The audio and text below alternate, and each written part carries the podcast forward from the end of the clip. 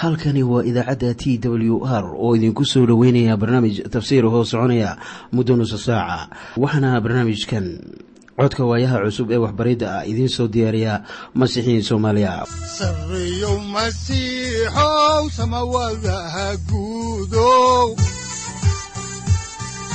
Siraadkii adduunkow subanaha eebow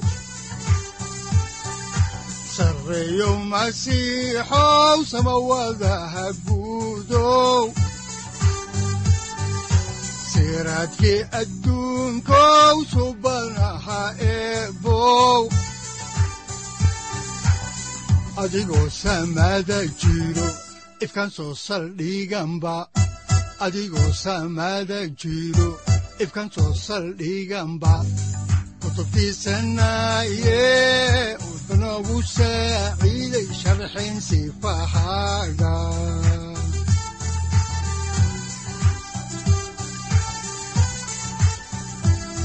kutubtiisinayo ebanagu saaciid sharxin sifahaaga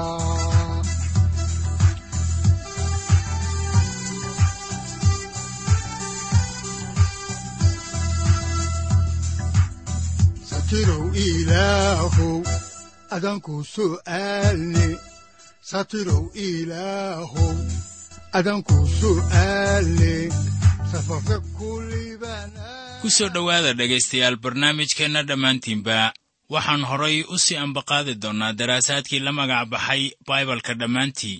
Balse aynu dhegaysanno haatan qhasiidadan soo socota ee ay inoogu luqeeyaan culimmo soomaali ah ee masiixiyiin ah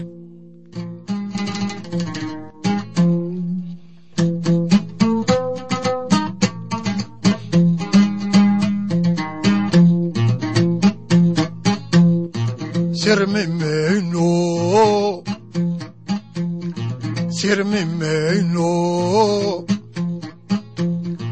sirmimayno sifiihi masiixan subax walba ku soconayo sirmimeyno sirmimeyno sirmimeyno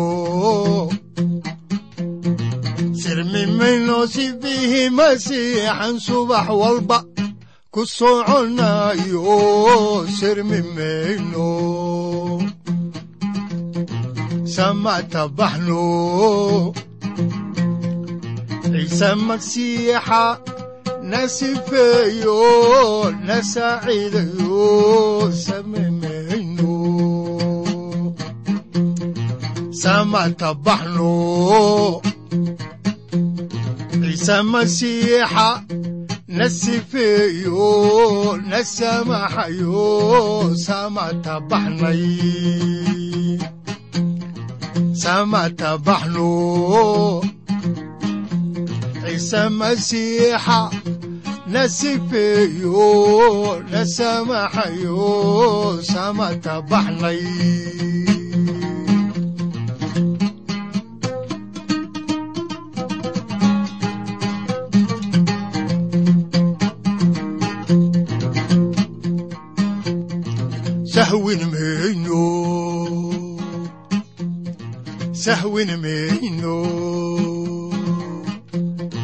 sahwin mayno salada alloon saacadda lahayn saxartiirno sahwin mayno sahwin mayno sahwin mayno sahwin mayno salada alloon saacadda lahayn saxartiirno sahwin mayno samatabaxno ciise masiixa na samaxayo na sifeeyo samatabaxnay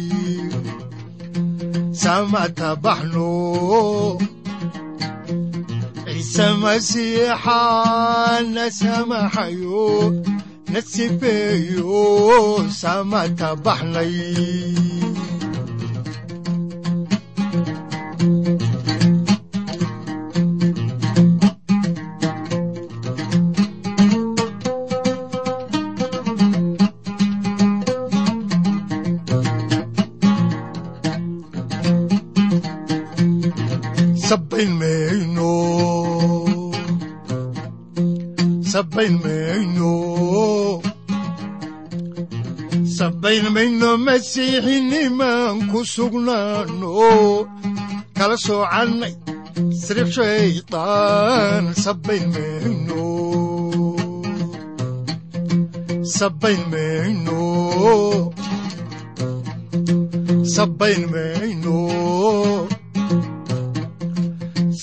mayno masiixinimaan ku sugnaano. Kala soocannay sirib shaydaan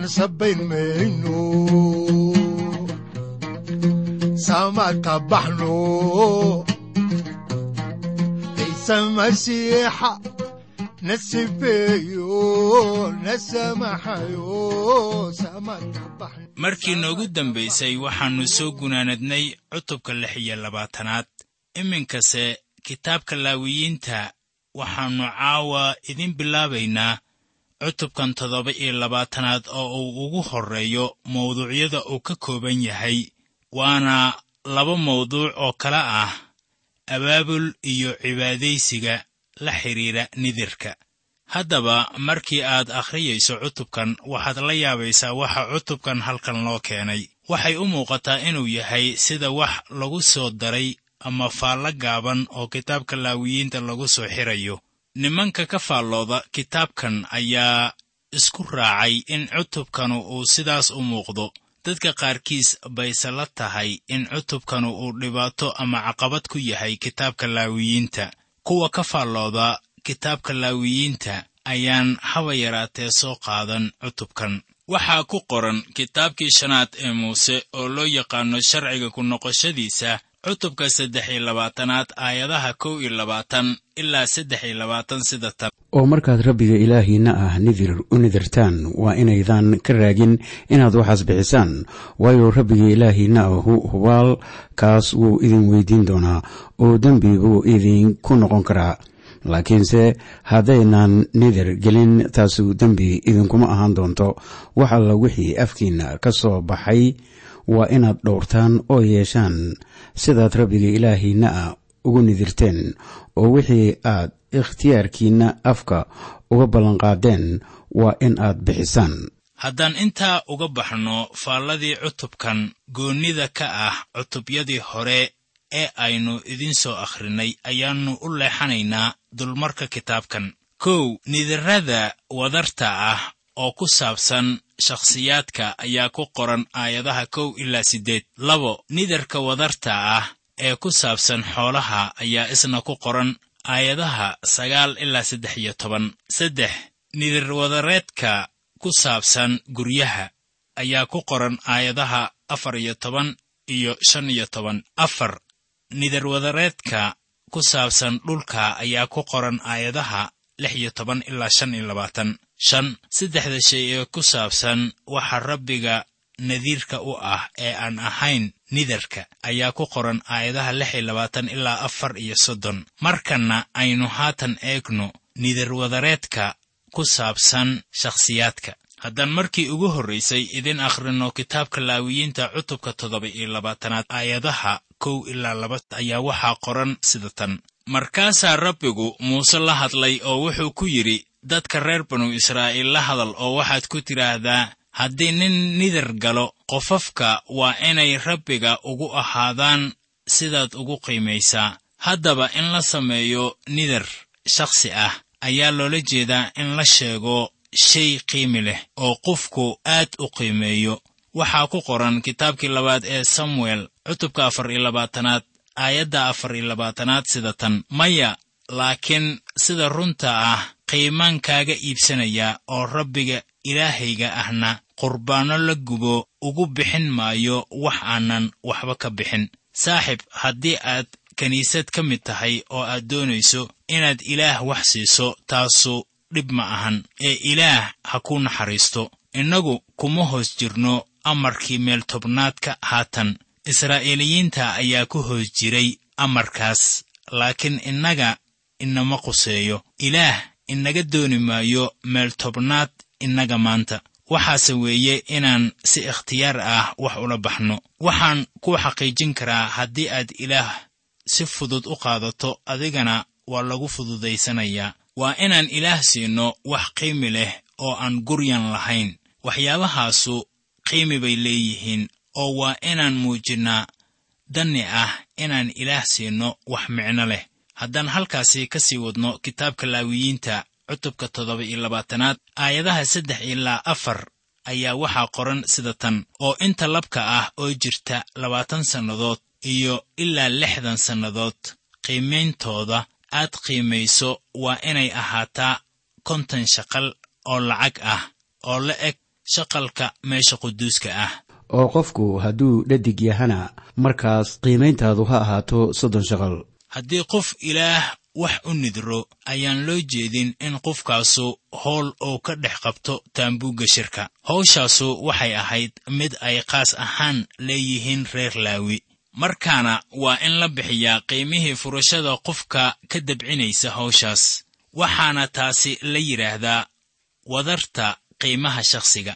Haddaan dib ugu noqonno kitaabka ayaannu haatan eegaynaa kitaabka laawiyiinta cutubka toddoba iyo labaatanaad aayadaha shan ilaa siddeed waxaa qoran sida tan. Oo qofku hadduu shan sannadood jiro iyo ilaa iyo labaatan sannadood markaas kii laba waxaad ku qiimaysaa labaatan shaqal oo tii dhadigna waxaad ku qiimaysaa toban shaqal. Oo haddii qofku jiro bil iyo ilaa shan sannadood markaas qofkii lab waxaad ku qiimaysaa shan shaqal oo lacag ah. Tii dhadigna waxaad ku qiimaysaa saddex shaqal oo lacag ah. Oo haddii qofku lixdan jir yahay amase ka sii wen yahay hadduu lab yahay waxaad ku qiimaysaa shan iyo toban shaqal. Hadduu dhadig yahana waxaad ku qiimaysaa toban shaqal. Laakiinse qofku hadduu ka miskiinsan yahay intaad ku qiimaysay markaas waa in la soo taagaa wadaadka hortiisa. Oo wadaadku waa inuu qiimeeyaa oo qofkii nidarka galay intuu awoodo waa in wadaadku ku qiimeeyaa. Soo arki maysid in qiimayntu ay ku xidhan tahay sannada balse ayaan ku xidhnayn halka aad ka taagan tahay bulshada. Haddaad taajir tahay iyo haddaad sharaf leedahayba qiimaha wuxuu ku salaysmayaa awoodda qofku uu ku shaqeeyo. Waxaad markaasi ogaataa sida qiimaha leh ee ilaah masaakiinta wax uu u siiyo si ay uga qayb qaataan hawshan ikhtiyaarka ah. Waxaa markaasi loo baahan yahay qiimo aan dulsaar ahayn oo wadaadku uu go'aankiisa gaaro iyadoo hadba la eegayo awoodda qofkaasu uu ku bixin karayo nidarka. Haddaba beesadii ay bixisay naagtii carmalka ahayd wakhtigii ciise masiix ayaa ka qiimo badnaatay hantidii badnayd ee ay bixiyeen tujaartii israa'iil iyo kuwa magaca lahaa. Waxaa kaloo jira wax aad iyo aad muhiim u ah oo ku saabsan nidarka shakhsiyaadku ay gelayaan. Caadi ahaan xaaladaha dadka markaan eegno ayaa qofka laga doonayaa inuu bixiyo wixii qof kale u qabtay. Haddaba sharciga nidarka ayaa bilcagsi taa u noqonaya oo ninka wuxuu u bixinayaa inuu ilaah u adeego. Markaana sharaf bay noqonaysaa in ilaah loo adeego. Haddaan halkaasi uga gudubno maaddadii hore ayaannu haatanna eegaynaa nidarka ku saabsan xayawaanka. Haddaan horay u sii ambaqaadno kitaabka laawiyiinta cutubka toddoba iyo labaatanaad aayadaha sagaal ilaa toban ayaa waxaa qoran sida tan. Oo neef rabbiga qurbaan loogu bixiyo hadduu yahayna wax alla wixii qufi rabbiga saas ugu bixiyaa quduus bay ahaan doonaan. Oo isagu waa inuusan doorin ama waa inuusan neef fiican mid xun ku beddelin ama neef xun mid fiican ku beddelin oo hadduu neef neef kale ku beddelo markaas neefkii hore iyo kii lagu beddelayba waa inay quduus wada ahaadaan. Haddaba sadaqadii ikhtiyaarka ay u bixinayeen bay kala reebteen oo qaar bay dhigteen. Saaxib waxyaabaha aynu ka hadlayno waa run oo maanta way jiraan dad saas ah. Ilaah wuxuu inagu qabanayaa nidarradeenna haddii aad ballanqaaddaan inaad ilaah wax siisaan oo aydnan ballankaasi ka dhabaynin waxaas aad ballanqaaddeen way u qoran yihiin. Waxaannu la macaamiloonaynaa ilaah hubaal ahaan ilaah ah oo jira. Haddaan halkaasi ka sii wadno ayaa waxaa ku qoran kitaabka laawiyiinta cutubka toddoba iyo labaatanaad aayadaha kow iyo toban ilaa saddex iyo toban sida tan oo neefku hadduu yahay neef nijaas ah oo aan rabbiga qurbaan loogu bixin markaas isagu neefka ha soo taago wadaadka hortiisa oo wadaadku ha qiimeeyo hadduu xun yahay iyo hadduu fiican yahayba oo adiga wadaadka ahu intii aad qiimayso waa inay ahaataa laakiinse isagu hadduu doonayo inuu furto waa inuu ku sii daraa intii aad ku qiimaysay oo shan meelood loo dhigay meesheed. Haddaba xayawaan aan daahir ahayn ayaa nidar loo bixin karaa laakiin allabari ahaan looma bixin karo. Wadaadka ayaa xayawaankaasi qiimaynaya oo qofkiina wuxuu bixinayaa qiimaha furashada oo wuxuu ku darayaa shan meelood oo meel. Isagoo taasi u samaynaya inuu u bixinayo ama inuu u bixiyey xayawaan aan daahir ahayn sida nidar oo kale. Haddaan intaasi uga gudubno maaddadaas ayaan haatanna eegaynaa wadarnidareedka ku saabsan guryaha.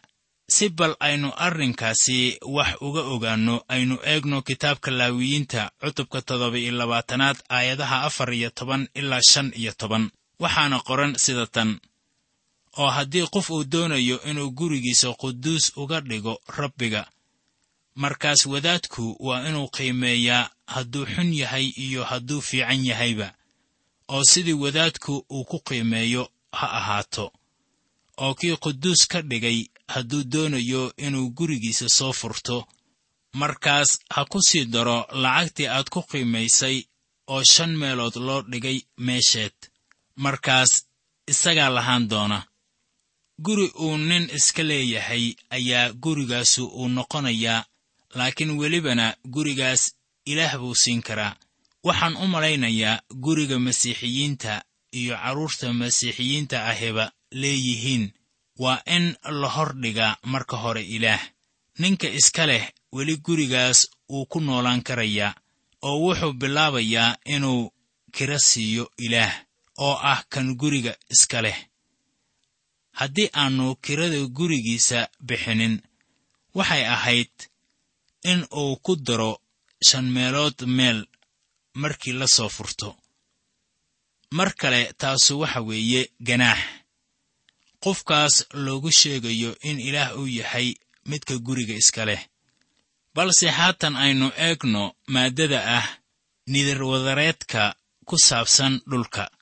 Haddaan halkaasi ka sii wadno kitaabka oo aan eegno cutubka toddoba iyo labaatanaad aayadaha lix iyo toban ilaa shan iyo labaatan. Waxaa qoran sida tan. Oo haddii nin doonayo inuu rabbiga quduus uga dhigo qaar ka mid ah beertuu leeyahay. Markaas waxaad ku qiimaysaa inta abuurkeedu dhan yahay. Xoomeer muggiis oo shiciir. Abuur ah waa in lagu qiimeeyaa konton shaqal oo lacag ah oo beertiisa hadduu quduus ka dhigo oo uu ka bilaabo sannada yubilii ah. Markaas intaad ku qiimaysay ha ahaato. Laakiinse hadduu beertiisa quduus ka dhigo sannada yubiliiga ah dabadeed markaas wadaadku waa inuu lacagta u xisaabaa intay yihiin sannadaha ka dhiman sannada yubiliiga ah oo intaad ku qiimaysayna waa in wax laga sii dhimaa oo kii beerta quduus ka dhigay. Hadduu doonayo inuu soo furto markaas waa inuu ku sii daraa lacagtii aad ku qiimaysay oo shan meelood loo dhigay meesheed oo dabadeedna mar labaad buu mulkin doonaa. Laakiinse hadduusan doonayn inuu beerta soo furto ama hadduu beerta nin ka iibiyey. Markaas mar dambe waa inaan la soo furan. Laakiin beertu markay wareegto sannada yubiliiga ah waxay quduus u ahaan doontaa rabbiga. Sidii beer isaga loo soocay hantideedana waxaa yeelan doona wadaadka.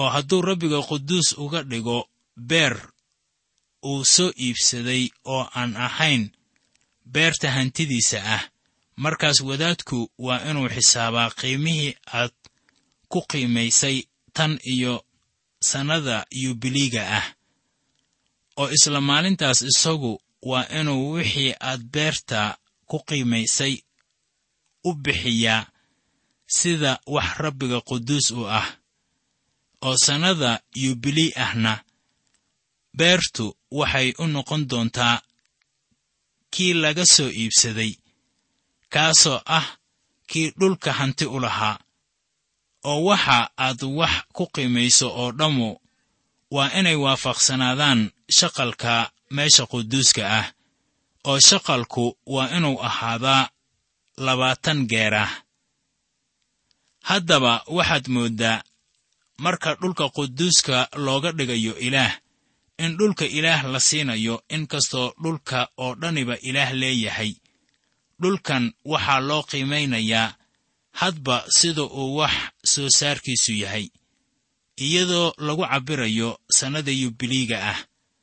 Dhulka oo dhan waxaa loo celinayaa sannadaas kii dhulka hanti u lahaa.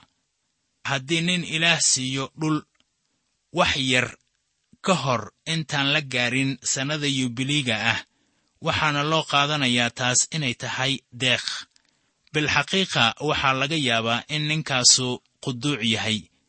Ma ahan in qofku ilaah siiyo dhul uusan ilaah iska lahayn. Ilaah wuu garanayaa nidirrada dadka. Haddaan maaddada dhulka halkaasi uga gudubno ayaannu eegaynaa iminkana saddexda waxyaabood ee ilaah loo soocayo ee nadiirka ah kuwaasoo aan nidarka ka mid ahayn haddaan dib ugu noqonno kitaabka ayaannu haatan eegaynaa cutubka toddoba iyo labaatanaad aayadaha lix iyo labaatan ilaa toddoba iyo labaatan. Waxaana qoran sida tan. Laakiinse xayawaanka curadkooda rabbiga goonni ahaanta loogu soocay ninna waa inuusan quduus ka dhigin. Hadduu dibi yahay iyo hadduu ida yahayba waayo waxaa iska leh rabbiga oo hadduu yahay neef nijaas ah markaas isagu waa inuu ku furtaa intii aad ku qiimayso oo weliba waa inuu ku sii daraa intaas oo shan meelood loo dhigay meesheed. Oo haddaan la soo furanna waa in lagu iibiyaa intii aad ku qiimayso. Haddaba xayawaanka curadkooda waxaa horay u lahaa ilaah oo ilaah nidar ahaan looguma keeni karo. Ilaah taas wuu ku adkaysanayaa oo wuxuu leeyahay waxa anigu aan iska leeyahay. Iska eega. Haddaan halkii ka sii wadno kitaabka ayaannu eegaynaa laawiyiinta. Cutubka toddoba iyo labaatanaad aayadaha siddeed iyo labaatan ilaa sagaal iyo labaatan waxaana qoran sida tan. Habase yeeshee wixii goonni loo sooco oo qof waxyaalihiisa oo dhan rabbiga uga sooco. Hadday waxaasu yihiin qof ama neef ama beerta hantidiisa ah waa inaan innaba la iibin ama la furan. Waayo wax kasta oo goonni loo sooco waa wax rabbiga ugu wada quduusan oo qof alla qofkii goonni loo sooco oo dadka laga sooco oo dhan waa inaan innaba la soo furan. Laakiinse hubaal waa in la dilaa. Haddaba qaybta labaad ee ah waxa aan nidarka lagu nidiraynin waxa weeye wixii ilaah horay loogu nidiray mar hore. Haddii aad nidar gasho inaad ilaah waxaas iyo waxaas u samaynayso haddaad samayso iyo haddaadan samaynin waxaas oo kale mar dambe nidar ula hor imaan maysid ilaah. Kitaabkii yeshuuca cutubka lixaad ayaannu ku arkaynaa in magaalada yarixoo la siiyey ilaah si uu u burburiyo. Waayo caakaan ayaa qaaday wixii ilaah yidhi yaan magaaladaasi laga qaadin oo ahayd in la burburiyo. Haddaba caakaan ayaa la burburiyey sida ku qoran kitaabka yeshuuca cutubka lixaad ilaa iyo cutubka toddobaad. Haddaan xigashada kitaabka halkii ka sii wadno ayaa waxaa ku qoran aayadaha soddon ilaa saddex iyo soddon ee cutubka toddoba iyo labaatanaad sida tan. oo meeltobnaadka waxaa dalka ka baxa oo dhan hadday yihiin dhulka ininihiisa ama hadday yihiin midhaha dhirtaba rabbigaa iska leh oo waa wax rabbiga quduus u ah oo haddii qof doonayo inuu wax meeltobnaadkiisii ah furto waa inuu ku daraa waxaas oo shan meelood loo dhigay meeshood oo kulli meeltobnaadka lo'da ah ama kan ariga ah oo dhan. Wax alla wixii lagu tiriyo ee hoos maro usha adrijirka meeltobnaadku waa inuu rabbiga quduus u ahaadaa oo neefkaasu inuu xun yahay iyo inuu fiican yahay isagu waa inuusan kala hubsan waana inuusan beddelin oo kolnaba hadduu beddelo. Markaas isagii iyo kii lagu beddelayba waa inay quduus wada ahaadaan oo aan la soo furan. Haddaba meeltobnaadyada ayaa ah shayga saddexaad ee ilaah leeyahay oo aan nidar lagu oofin karaynin haddaan soo gunaanadno kitaabka ayaa waxaa ku qoran cutubka toddoba iyo labaatanaad aayadda afar iyo soddonaad sida tan. Kuwanu waa amaradii rabbigu muuse kaga amray buur siinaay oo uu reer banu israa'iil ugu soo dhiibay. Haddaba aayaddan ayaa lagu soo gunaanadayaa kitaabkan laawiyiinta oo soo koobaysa. Waxay kaloo muujinaysaa in cutubkan toddoba iyo labaatanaad uusan ahayn gebagabadii kitaabkan laakiin uu yahay sida ilaah uu ugu haysto in dadku ay gebigoodba sharciga ku hoos jiraan.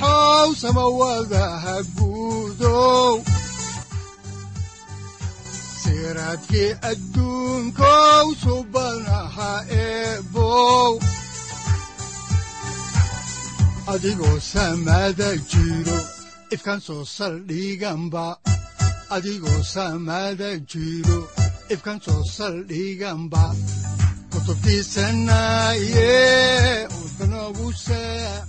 halkani waa t w r idaacadda t w r oo idinku leh ilaa ha idin barakeeyo oo ha idinku anfaco wixii aad caawi ka maqasheen barnaamijka. Waxaa barnaamijkan oo kalaa aad ka maqli doontaan habeen dambe. Hadahan oo kale haddiise aad doonaysaan in aad fikirkiina ka dhiibataan wixii aad caawi maqasheen ayaad nagala soo xiriiri kartaan som t w r at t w r c o k e haddii aad doonaysaan in aad dejiisataan oo kaydsataan barnaamijka ama aad mar kale dhegaysataan fadlan mar kale booqo www t w r o r g amase waxaad teleefoonkaaga ku kaydsataa ama ku download garaysataa agabyada ku sahli karaa dhegeysiga t w r haddii aad doonayso in laga kaalmeeyo dhinacyada fahamka kitaabka amase aad u baahan tahay duco fadlan fariimahaaga soo mari bogga aaraahda ama kommentska inana jawaab degdeg ah ayaanu ku soo diri doonaa amase ku siin doonaaye